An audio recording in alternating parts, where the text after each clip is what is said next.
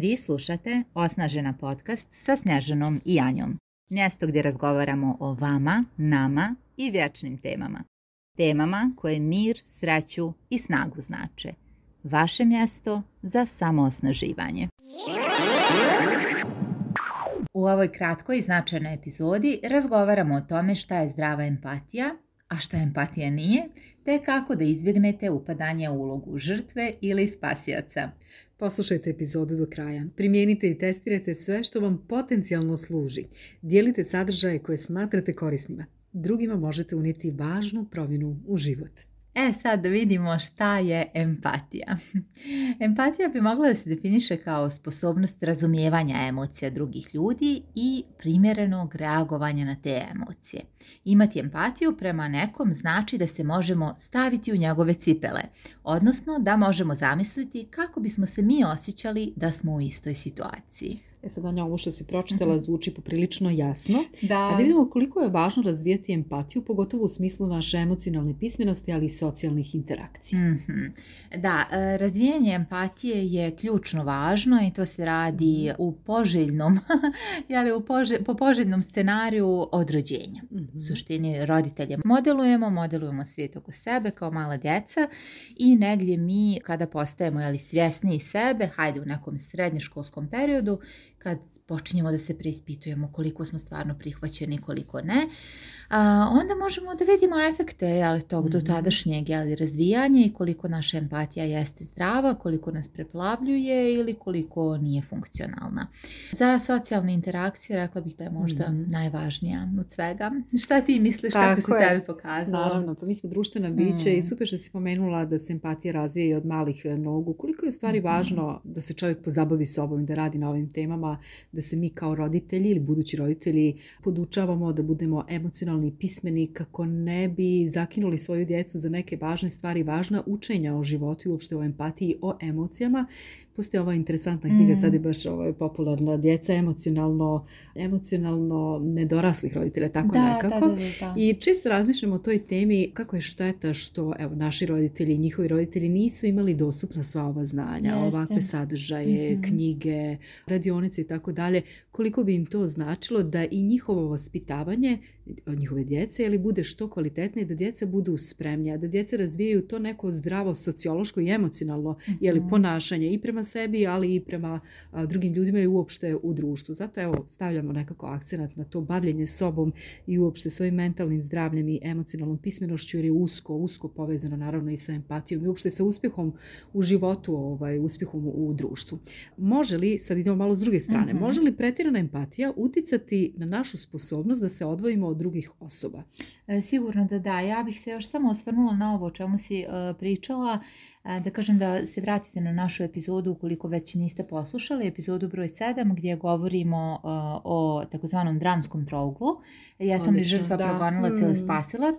Zašto? Zato što ukoliko naši roditelji nisu bili dovoljno Um, emocionalno ali razvijeni, ukoliko su oni sami emocionalno zakinuti na neki način, što jeste čest slučaj, nažalost, posebno na ovim prometnim područjima, dosta opterećenim, neki bi rekli mm. karmom, ja bih rekla raznoraznim istorijskim ovaj, e, dešavanjima i nedaćama.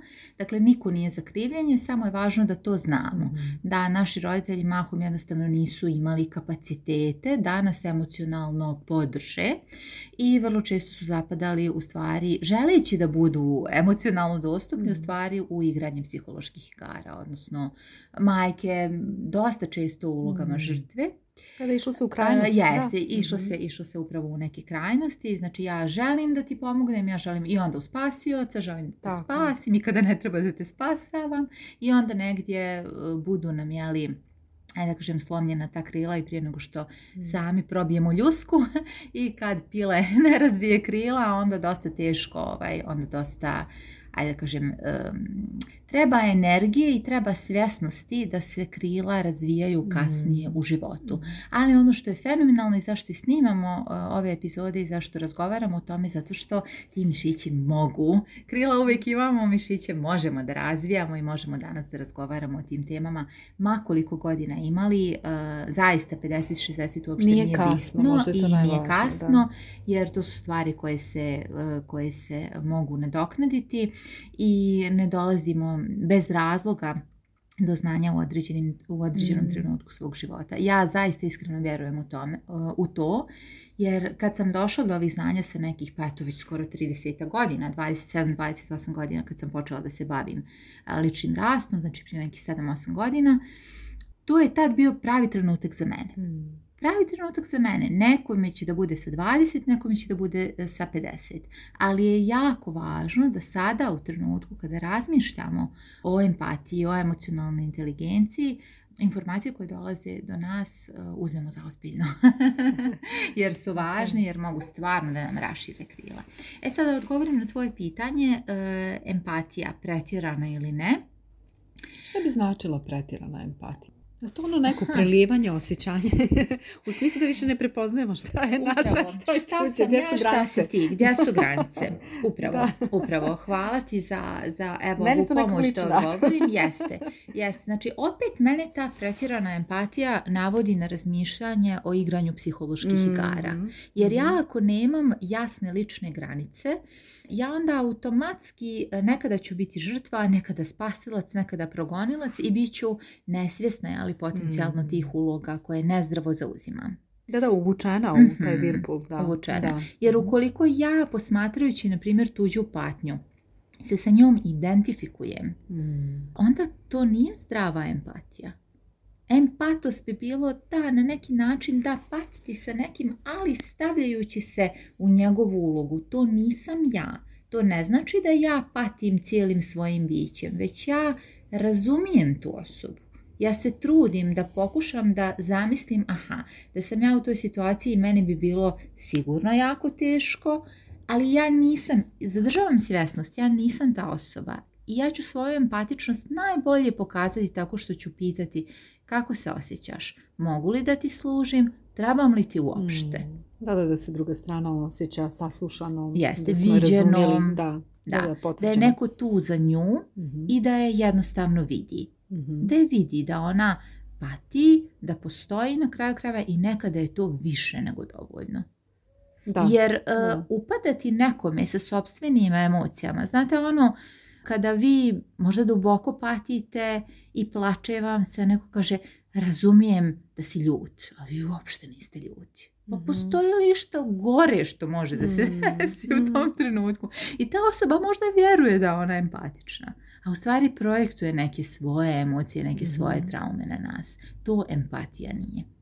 Tako da najgore što možemo da uradimo opet kažem iz dobre namjere, ali uvijek se sjetimo onog puh do pakla poplučan dobrim namjerama, je da etiketiramo. Empatičnost ćemo najbolje pokazati samo time što ćemo reći tu sam ako ti treba, stalo mi je, kako se osjećaš, ili da samo čutimo s nekim. U mhm. zavisnosti od nivoa bliskosti sa tom osobom, ako smo dovoljno prisutni u svom tijelu i dovoljno povezani, ja vjerujem da je to maksimum koji možemo da uradimo za druge da smo prisutni i da ne zagađujemo prostor i ne oduzimamo prostor da, mhm. dodatno. Vi slušate Osnažena podcast.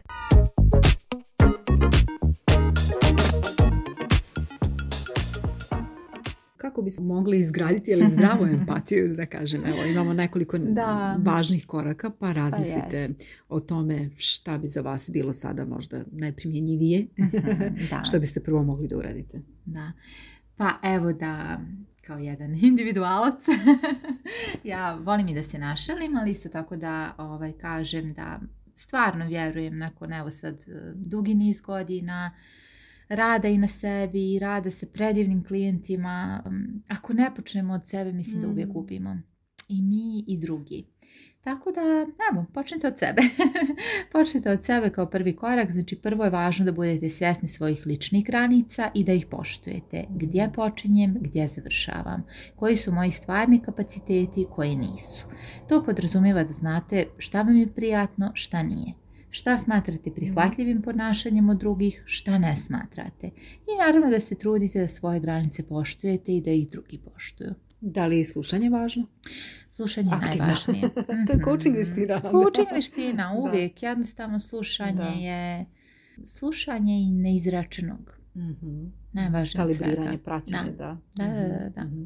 Trudite se da razumijemo drugi ljudi ili tako i njihove emocije, bez obzira da li se mi sad slažimo sa tim stavovima i mhm. emocijama. Dakle, razmišljati o tome kako da budemo od koristi, kao što ti kažeš drugoj osobi, da joj služimo. Jeste. Čisto govorimo o tome koja je mjera. Govorili smo i o verbalnom minimalizmu i slično. Mjera u, nekim naročito izazovnim situacijama, a e, teške emocionalne situacije su uvijek izazov. Ali uvijek i najbolji temelj za izgradnju mm. pravog odnosa i mm. stvarnog odnosa.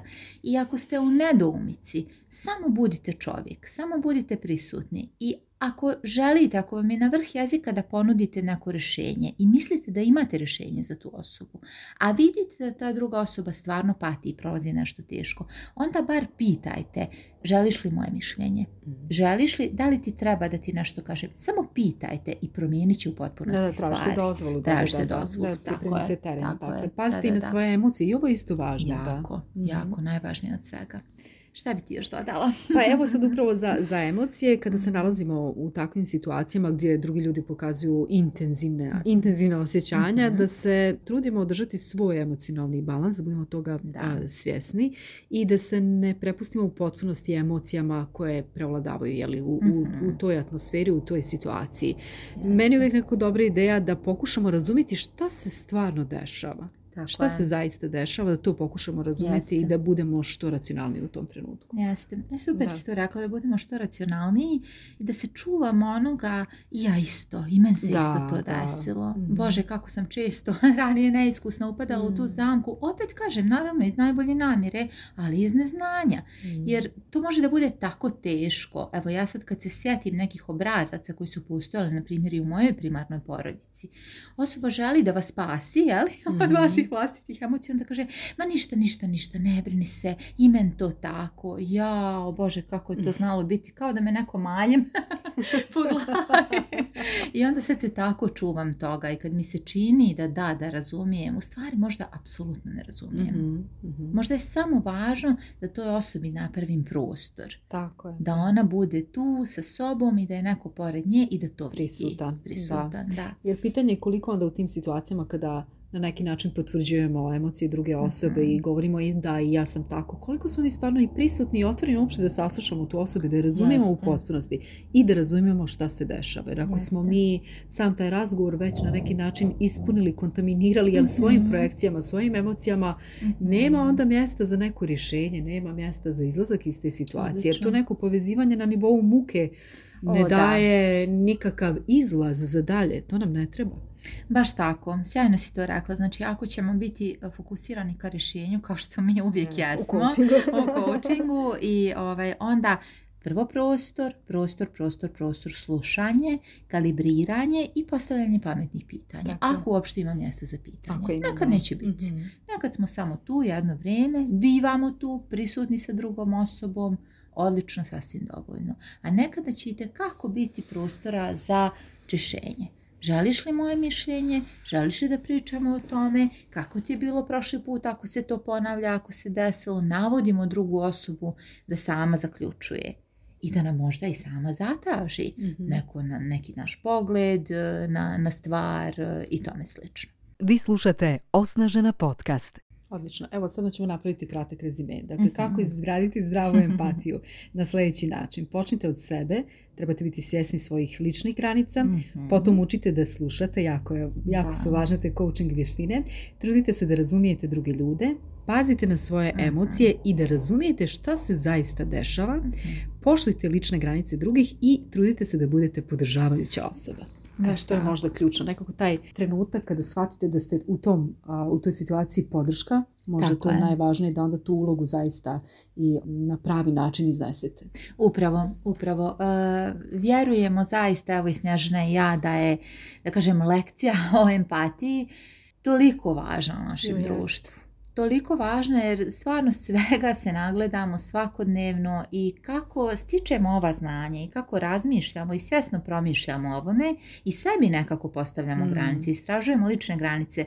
Toliko škripi u svakodnevnoj komunikaciji, mm. kada vam drugi ulijeću u prostor, kada oduzimaju pravo nekako na lične granice. A pretvori se to nekad i u manipulaciju? E, jako veliku, jako veliku, ali je sreće što sa ovim znanjima to nekako nanjušimo i onda prekidamo rad Aport izađemo iz takve vrste komunikacije.